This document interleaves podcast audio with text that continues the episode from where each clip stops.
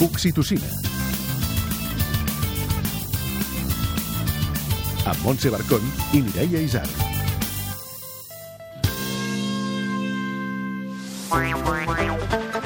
Nena, nena, que el teu fill s'està fregant allà, allò, al menjador? Ui, la teva filla m'ha ensenyat allò, aquí al mig. Això no es diu. No, que això no es toca. Eh, això no es mira. Nens i sexe, quins nervis, quants tabús. Avui el despertar sexual de les criatures amb la sexòloga Helena Crespo. La treballadora social Mariona Carbons farà un croquis dels serveis públics relacionats amb l'atenció a la infància i la família que tenim al nostre abast. La cantant i compositora Gemma Humet, mare del Jan, ens explica com viu la maternitat i com va ser el mes que el seu fill va estar ingressat a neonats. I a més a més us explicarem dues idees per fer manualitats si us quedeu a casa. Tot això i més a... L'Oxitocina! Tu, tots, tothom.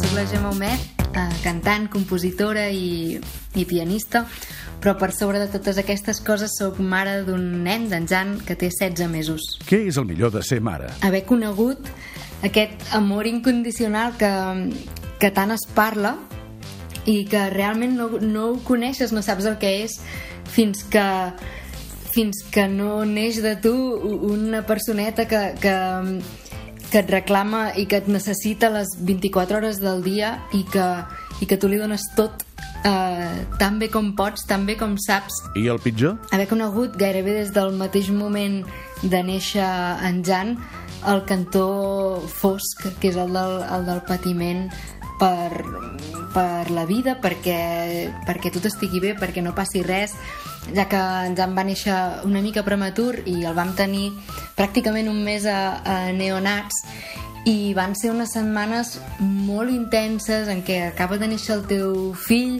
en què no saps ben bé com aniran les coses ni, ni què està passant, ni, ni si anirà bé, ni si sortiràs d'allà. Digues el record més divertit de la teva experiència com a mare. Aquesta Setmana Santa em van avisar per gravar un, un videoclip que es feia uh, per TV3 amb, amb els catarres, on havia de cantar un tros d'una cançó bueno, i em diuen, bueno, mira, saps què? Doncs uh, ens anem tots junts, anem a TV3 graves això i, i just quan, quan acabis doncs marxem de vacances i van passar dues coses la primera és que just arribar a TV3 el Jan s'havia fet la, amb perdó, com la cagada més grossa que, que s'ha fet a la vida, que no sé com ho vam fer, vam treure una taula allà al mig, el vam canviar, que pensàvem, mare de Déu, que no ens vegi ningú, perquè, perquè vam fer bastant de show. Però llavors ja un cop eh, va passar, el nen ja estava mono i arreglat, i vam entrar eh, dins de TV3, vam entrar amb el Jan i quan la gent de producció de, del videoclip que havien de fer van veure el Jan van dir aquest nen és tan mono que ha de sortir, ha de sortir i va sortir amb mi el, el videoclip i la veritat és que a part de, de la il·lusió que realment em va fer molta il·lusió que, que m'ho diguessin doncs, doncs va ser un moment, un dia que, que recordo divertit I el més bonic? quan es, després de 25 dies ens van dir que, que el Jan ja estava bé i que ens el podíem emportar cap a casa. Recordo perfectament, i em sembla que ho recordaré sempre, lo feliç de la vida que vaig sortir jo de l'hospital amb el cotxet. Allò que, que somies que és de sortir amb el teu fill de l'hospital i que, i que mai ningú et diu doncs, que potser hi entraràs i sortiràs sense, perquè a mi em van donar l'alta i, i el meu fill es quedava allà. Reivindica. Sovint, planificar una cosa tan natural com tenir fills es pot veure aplaçada únicament com a dona per motius laborals i és una sensació que pot arribar a frustrar molt. I per aquest motiu reivindico fermament l'amor, la comprensió, el fer equip amb la teva parella, una societat feminista on tot això sigui comprès i finalment doncs, que, que tothom tingui fills quan ho senti dins seu i no pensant en les seves carreres professionals o feines perquè finalment el més important i, i el que mou el món són les ganes. Que algú em doni un manual d'instruccions.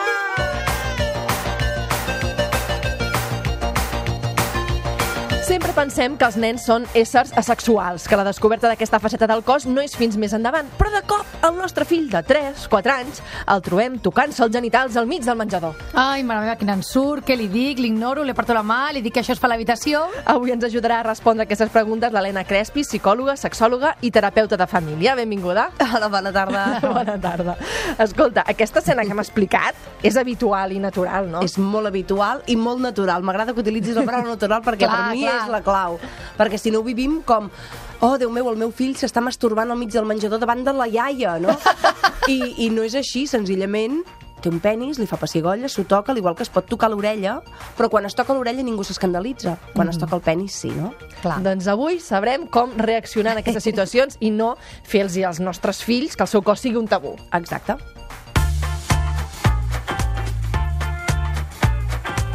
Escolta, però per què passa això? Per... em Sembla que és a partir de l'adolescència que tenim impulsos, que ens descobrim el cos i com, com pot ser que un nen tan petit ja tingui sensacions d'aquestes? Per, perquè un nen tan petit, inclús a la panxa de la mare, ja s'està descobrint. O sigui que això de que comença l'adolescència, res de res.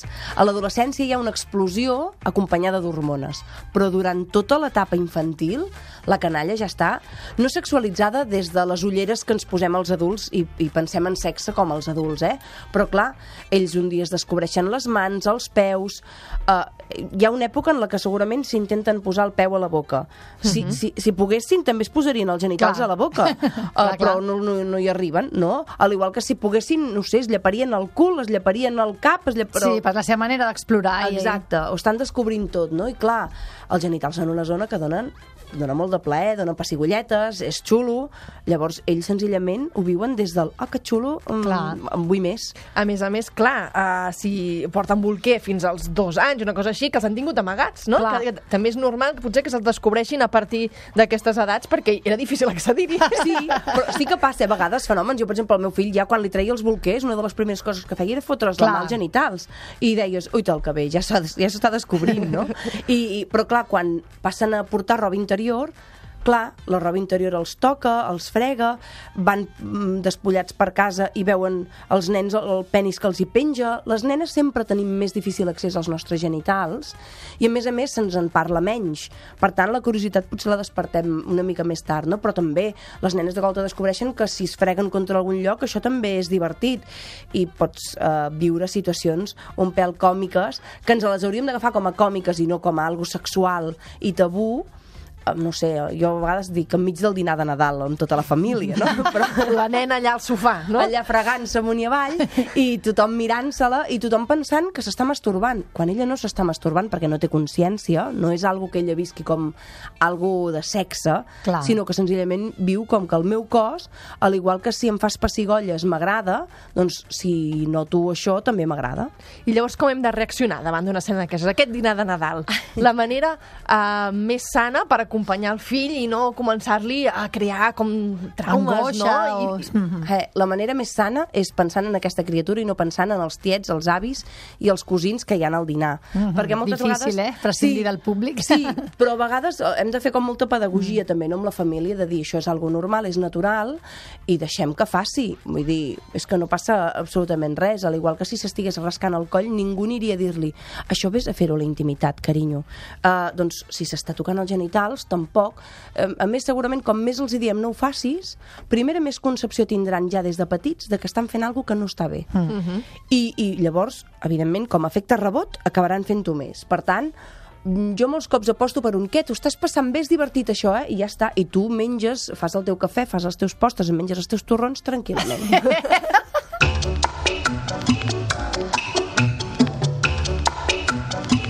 I quan hem de començar... Això, més o menys, què passa? Als 3, 4 Tres. anys? Això pot passar normalment als 3-4 anys, que és aquesta època en la que comencen a ser com més conscients de les diferències entre nois, noies, no? bueno, els ja estan tot el dia amb la... Ensenya'm el penis, Sí. mama, ensenya'm la vulva, Sí, sí, i estan sí. amb el tema a tope, no? Clar. Però potser en un pla més visual, o almenys en el meu cas, eh, ell el vol veure, Clar, no? Com clar, és la clar. teva, com és el del papi, com és la Clar. seva... El... I a més veuen que la seva és, o si és un nen, doncs veuen que tenen el mateix que el papa, però el del papa papa és com més gran i pelut, i si és una nena és, ostres, aquí hi ha pèl, està com més tapat, Sí, no sí, veig, sí. no? tu ensenya-m'ho bé perquè jo vull veure'l, però Sí, sí, igual, sí, sí. a mi el meu fill, per exemple, una de les coses que em fa és, mama, obre la boca, ensenya'm, a veure si tens totes les dents, i no m'escandalitzo, si a mi em digués, mama, ensenya'm la vulva, vull veure que tens tot el que has de tenir, però ell veu la vulva amb la mateixa categoria que la meva dentadura. Som nosaltres que li Que posem posem categories plus, diferents. clar. I com hem de parlar-li als nens d'aquestes parts del cos, com hem d'anar per casa, eh, hem de tapar-nos quan anem despullats, no... gens ni mica, és a dir, eh, qui vulgui anar tot el dia despullat per casa, que hi vagi. Si no és el teu costum, tampoc hi aniràs expressament perquè el teu fill et vegi. és a dir, la idea és, amb tota la naturalitat del món, no cal amagar-nos, que això s'ha fet durant molts anys. De fet, hi ha molts fills que no havien vist mai nus als seus pares. Bueno, I fills que es pensaven que els seus pares no feien l'amor. Exacte, exacte, perquè clar, fixa't... És que els nens venen de París. Clar, exacte. Sí, sí, sí, ens els trobem sota una col. No, però, uh, clar, uh, si ja tapem el cos d'aquesta manera, tot el que es vincula amb la sexualitat també és un tabú. Uh -huh. El que hem de fer és, de manera normal, si algun dia ens entra, estem a la dutxa, doncs cap problema, si ens volem dutxar junts, cap problema, si ens demana ensenyar, si ens toca, doncs dir-li, doncs mira, sí, aquí això... És a dir, no des d'un punt de vista sexual, sinó des d'un punt de vista anatòmic, jo tinc descoberta això, del tens allò, món, Una no? part més del cos i ja Exacte. està. Si no t'escandalitzes perquè et vol veure les mans o et vol tocar les mans, no t'escandalitzis perquè et vol tocar una altra cosa o mirar-te una altra cosa. L'educació sexual a les escoles i segurament també a les cases comença quan els nens ja comencen a ser una mica grans, Sí. eh, comencen a la preadolescència, però potser estem anant tard. I, I com hem d'aconseguir que tinguin una vida sexual eh, plena i sobretot... Eh, Descomplexada, no? I, I tornem a repetir potser la paraula sana, eh, això ve des que som petits i d'aquestes- aquesta manera de comportar-nos que estàs dient? I tant, la clau és a casa. Nosaltres som l'exemple de tot. És a dir, si nosaltres anem per casa tapant-nos, canviant del canal a la televisió cada cop que surt una escena pujada de to, quan algú parla de sexe, nosaltres ens, mm, eh, intentem canviar de tema. Ostres, no, tot això són oportunitats per naturalitzar aquest tema d'una manera fantàstica. Encara Sí. que siguin molt petits. Sí, sí, sí. Uh, en lloc de dir, clar, canviem els noms als genitals. Aquí Sí. ja els estem dient, això és diferent. Això no és igual que el nas, que et dic que és el nas sinó que el penis doncs, té un altre nom, o a la vulva li diem patatona, no sé què, llavors, espera't, diguem-li pel seu nom, donem-li la categoria que es mereix, i aquí ja estàs assentant les bases de que després construeixin una sexualitat més saludable. I tant, anem molt tard quan comencem a la preadolescència, perquè realment abans ells ja s'han format una idea de què és tot això. I si tot això s'ho han format amb aquesta idea de fons que és un tabú i a més a més ho desvinculem de la, de la vida en general. És com, Com una cosa a part, exacte, no? és, ara et parlaré de sexe. No, no, no, tu has d'ajudar als teus fills a que puguin tenir una bona autoestima, a que es puguin relacionar bé amb els altres, a que siguin capaços d'expressar el que senten, de dir el que volen i llavors tot això ho aplicaran també a la seva vida afectivo-sexual. Aquesta és una de les claus. Però quan parlem d'educació afectivo-sexual amb la canalla, hi ha gent que es pensa que volem anar ensenyant-los com es posen els preservatius ja a nens de 5 i 6 anys. I no té res a veure, no? Segurament aquí anem a ensenyar molt més les bases d'una bona autoestima, com han de conèixer les seves emocions, què senten, què volen, què no volen, perquè llavors quan això els hi passi a l'adolescència, amb aquesta bomba hormonal que explota, no ho faran tot bé, evidentment, perquè són, seran adolescents i si ho fan tot bé malament anem, però tindran més eines i no haurem parlat gaire de sexe, sinó que hauran vist que per casa vivim tot això de manera natural i que potenciem habilitats que són eines vitals. No? I que també potser si tenen dubtes i hem posat aquesta base, podran venir-nos a buscar nosaltres, no? Si no n'hem parlat mai de tot això, el dia que els hi passi una cosa, que, que pot ser una cosa que els preocupi molt, o no ho vindran a explicar a nosaltres, sinó que li explicaran a l'amic, que potser el pot ajudar tant com, com ell mateix. Exacte, no? exacte. I, I com a pares nosaltres tenim l'obligació de posar aquestes bases i explicitar-ho, és a dir, dir-los si et passa qualsevol cosa, ja des de petits, si et passa qualsevol cosa, ens ho, has de, ens ho pots dir, nosaltres estem aquí per ajudar-te, però fixeu-vos, ja no només en tema sexual, sinó tema de prevenció de bullying, en tema de prevenció doncs, de, no sé, que quan sigui més gran, doncs, eh, consum de drogues, alcohol, tot això, ja la base se, se, se senta quan són petits, sabent que a nosaltres ens tenen allà de manera incondicional. Doncs moltes gràcies, Helena Crespi, Ai. psicòloga, sexòloga i terapeuta de família. A vosaltres. Anirem fent, mica a mica. Sí, a poc a poc, a poc, a poc.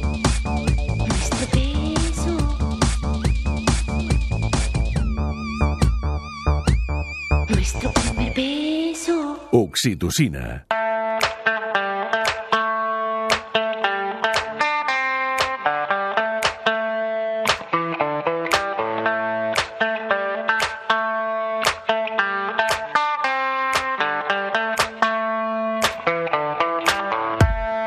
Ens posen el nostre fill als braços i no sabem res. Va creixent i encara sabem menys coses. I a vegades ens sentim una mica desorientats, però la vida seria molt més senzilla si tothom conegués tots els serveis públics relacionats amb l'atenció a la infància i la família que tenim al nostre abast. Avui tenim un expert a l'estudi que ens farà tots els mapes que necessitem per tenir una criança acompanyada. Mariona Carbó, treballadora social, què tal? Com Molt estàs? bé, bona tarda. I vosaltres? Bé, bé, Molt de bé. moment... de moment una mica perduts. Sí. Perquè, clar, a, a vegades a, a l'escola o, o, o coneguts et, et diuen unes inicials, no? CDIAPS, EIAPS, uh, EAPS... Uh, tot això ens sona com llunyà, ens sona que, que no està al nostre abast, però tu avui ens vens a explicar que són recursos que les famílies podem sol·licitar, podem fer servir Exacte, exacte. i que no és tan difícil accedir-hi, no? No, moltes vegades, um, entre que les sigles ja són difícils i que associem moltes vegades els recursos que relacionem amb infància i, i amb família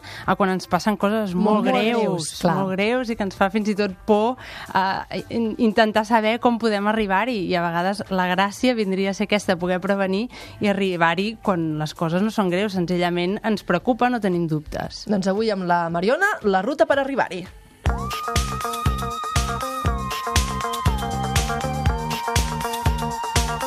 A veure, què és un CDIAP, Centre de Desenvolupament Infantil i Atenció Precoç?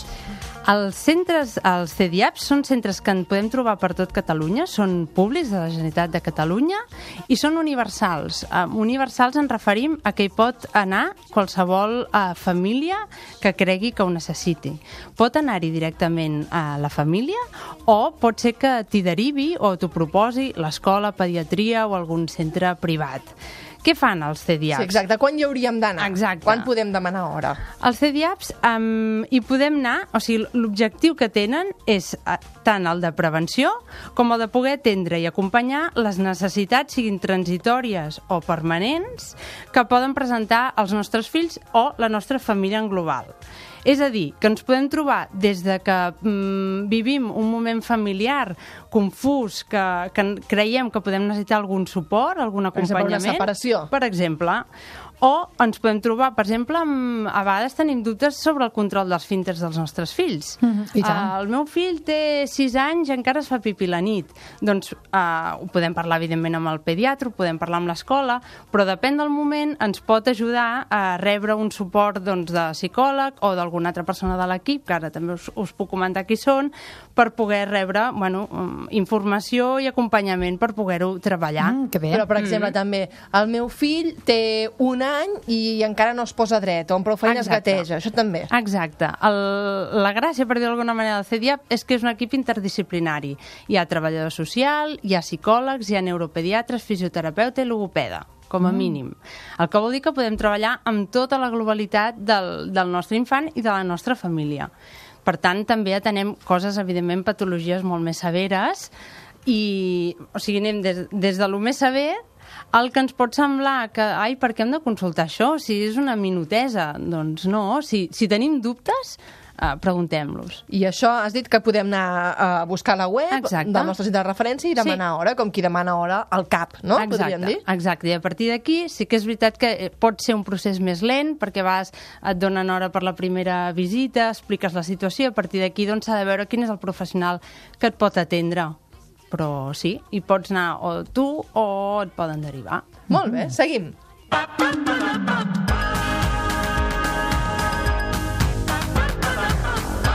Un EAP, equip d'atenció psicopedagògica. Sí, els EAPs, així com fins ara, per exemple, al CDIA parlàvem de la petita infància, perquè treballem amb nens de 0 a 6 anys, els EAPs, que són uns equips d'assessorament i orientació psicopedagògic, treballen a les escoles, però també als instituts. És a dir, fills adolescents, doncs Uh! també podem treballar-hi. Um, els EAPs són equips aquí nosaltres uh, teòricament no, com a família no podem consultar directament ho podrem fer la llarga, però primer ha de passar pel filtre de l'escola, qui on, on van a treballar són equips itinerants. Van a difer... Cada EAP té un, diferents escoles i instituts a les quals es desplaça, sí. I a partir d'aquí, si nosaltres tenim dubtes o l'escola observa uh, temes que creu que s'hauria de treballar o ja està diagnosticat que a un nano determinat que hi ha unes necessitats educatives especials a treballar, doncs uh, l'EAP és qui ho gestionarà i qui ho acompanyarà. Escola pública, pública, concertada, Exacte. totes. Exacte, sí. Mhm. Molt bé. I l'espai familiar?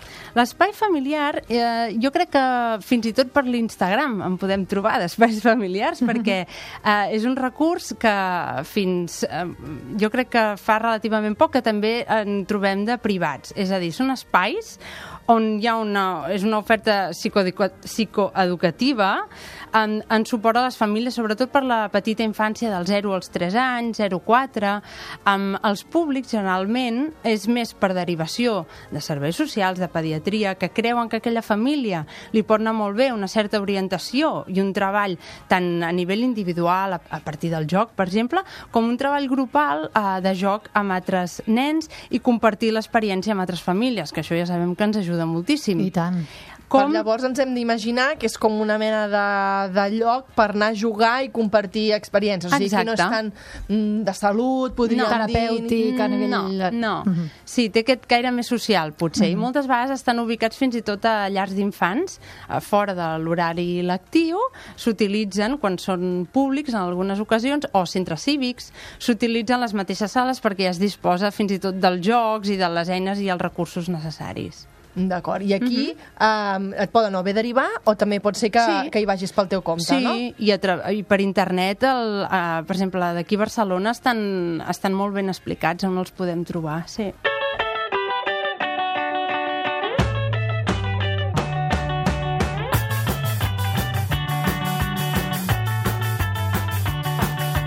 Clar, aquí dèiem que n'hi havia de públics i privats, suposo que llavors els privats ja sí que deuen tenir unes quotes i una, Exacte. unes coses, I és no? otro potser tema. S'ofereixen tallers o... Exacte, sí. sí que és veritat que hi ha tot un boom de, de locals Sí. de, dedicats a la infància. A la criança. Amb conferències, amb I xerrades... falta que fan, falta que sí, fan. tant.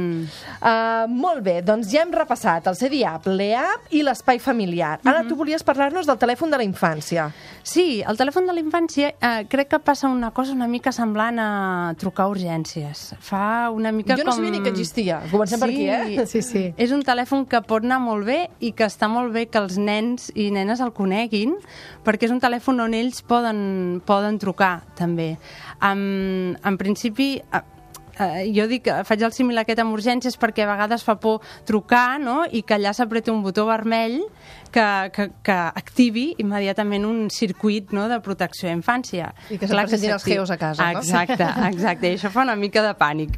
I en ocasions potser sí que és així, però a la majoria dels casos és un telèfon que ens pot servir tant a professionals com a persones individuals com a infants per resoldre dubtes eh, que tinguis del, del que t'està passant o del que estàs observant que passa en una altra família, per exemple, no? i vols ajudar i no saps com fer-ho.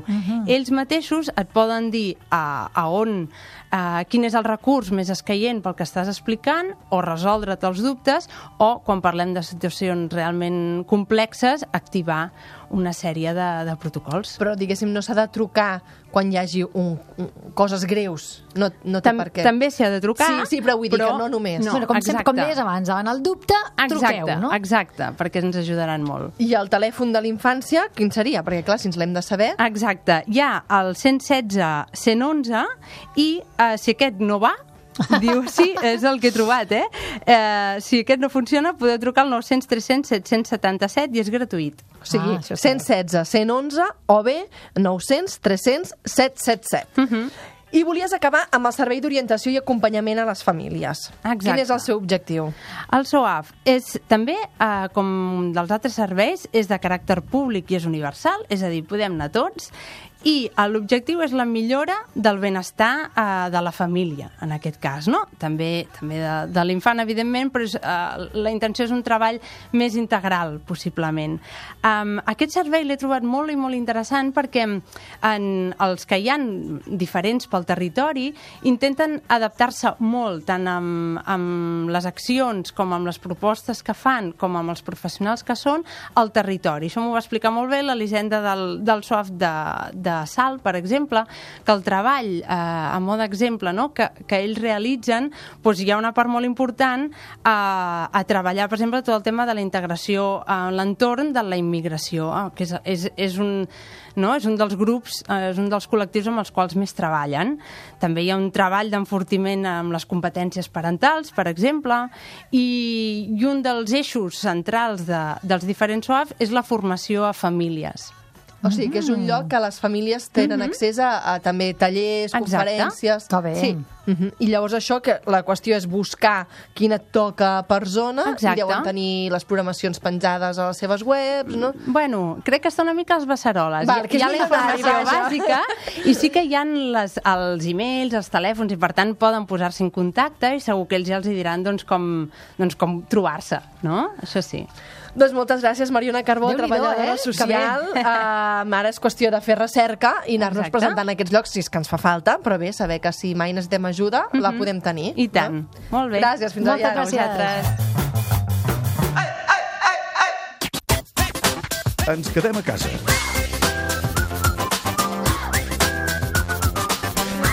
Mira, Montse, avui us Què, què? proposo jugar a ser artistes del vitrall. Oh, m'encanta. Però molt fàcil, eh? Va. Mira, primer ensenyeu-los als vostres fills unes quantes imatges de vitralls modernistes o fins i tot, si us motiveu, si us ve de gust, visiteu alguna casa que us sigui i fixeu-vos en tots els detalls de les finestres. Ah, ben pensat. Un cop a casa vostra, enganxeu a una finestra de casa un tros de paper d'Iron Fix, d'aquests Sí. de forrar, al revés, és a dir, que la cola, que el tros que enganxa quedi cap a vosaltres. Feu servir telo, per exemple, cinta adhesiva per enganxar el paper, al mirall, ai, el mirall, al vidre, A l'Iron Fix, al Sí. vidre, al revés. Gràcies, Montse.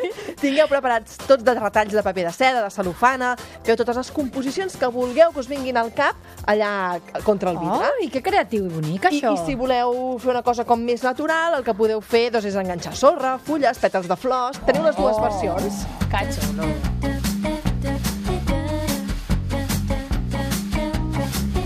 Doncs jo vinc amb una proposta molt senzilleta. Cada vegada que obriu una ampolleta de vi per brindar, que segur Molta, que cada nit ho feu, eh? Uh, guardeu el tap de suro. Quan en tingueu tres, els podeu unir amb una goma de pollastre d'aquelles, per Sí. entendre'ns, li claveu un escuradents o encara millor un pal d'aquells de pinchito moruno Sí. i li enganxeu un tros de tela o de malla de bossa de taronges, per exemple, per fer de vela, el que es vingui de gust. I amb això ja teniu un vaixell. Ah. Aleshores, agafeu una caixa de plàstic o un tàper gran, diem-ne, l'ompliu amb aigua i podeu veure la cara d'alegria del vostre fill quan vegi I- que i allò això ja flota. sura, això ja sura. Sura, clar, perquè són taps de suro.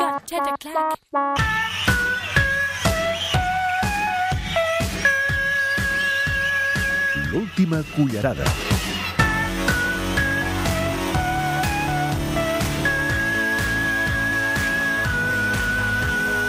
Hola, què tal? Com esteu? Des d'aquí us saluda Josep Martín, del programa Independents d'ICAT.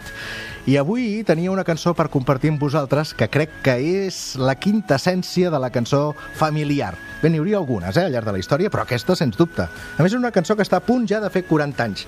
Al mes d'abril de l'any que ve ja farà 40 anys que es va publicar la cançó i l'LP We Are Family, una cançó que va escriure Neil Rogers d'un grup que es deia Chic, però qui la va fer popular? Doncs la va cantar una formació que es deia Sister Sledge.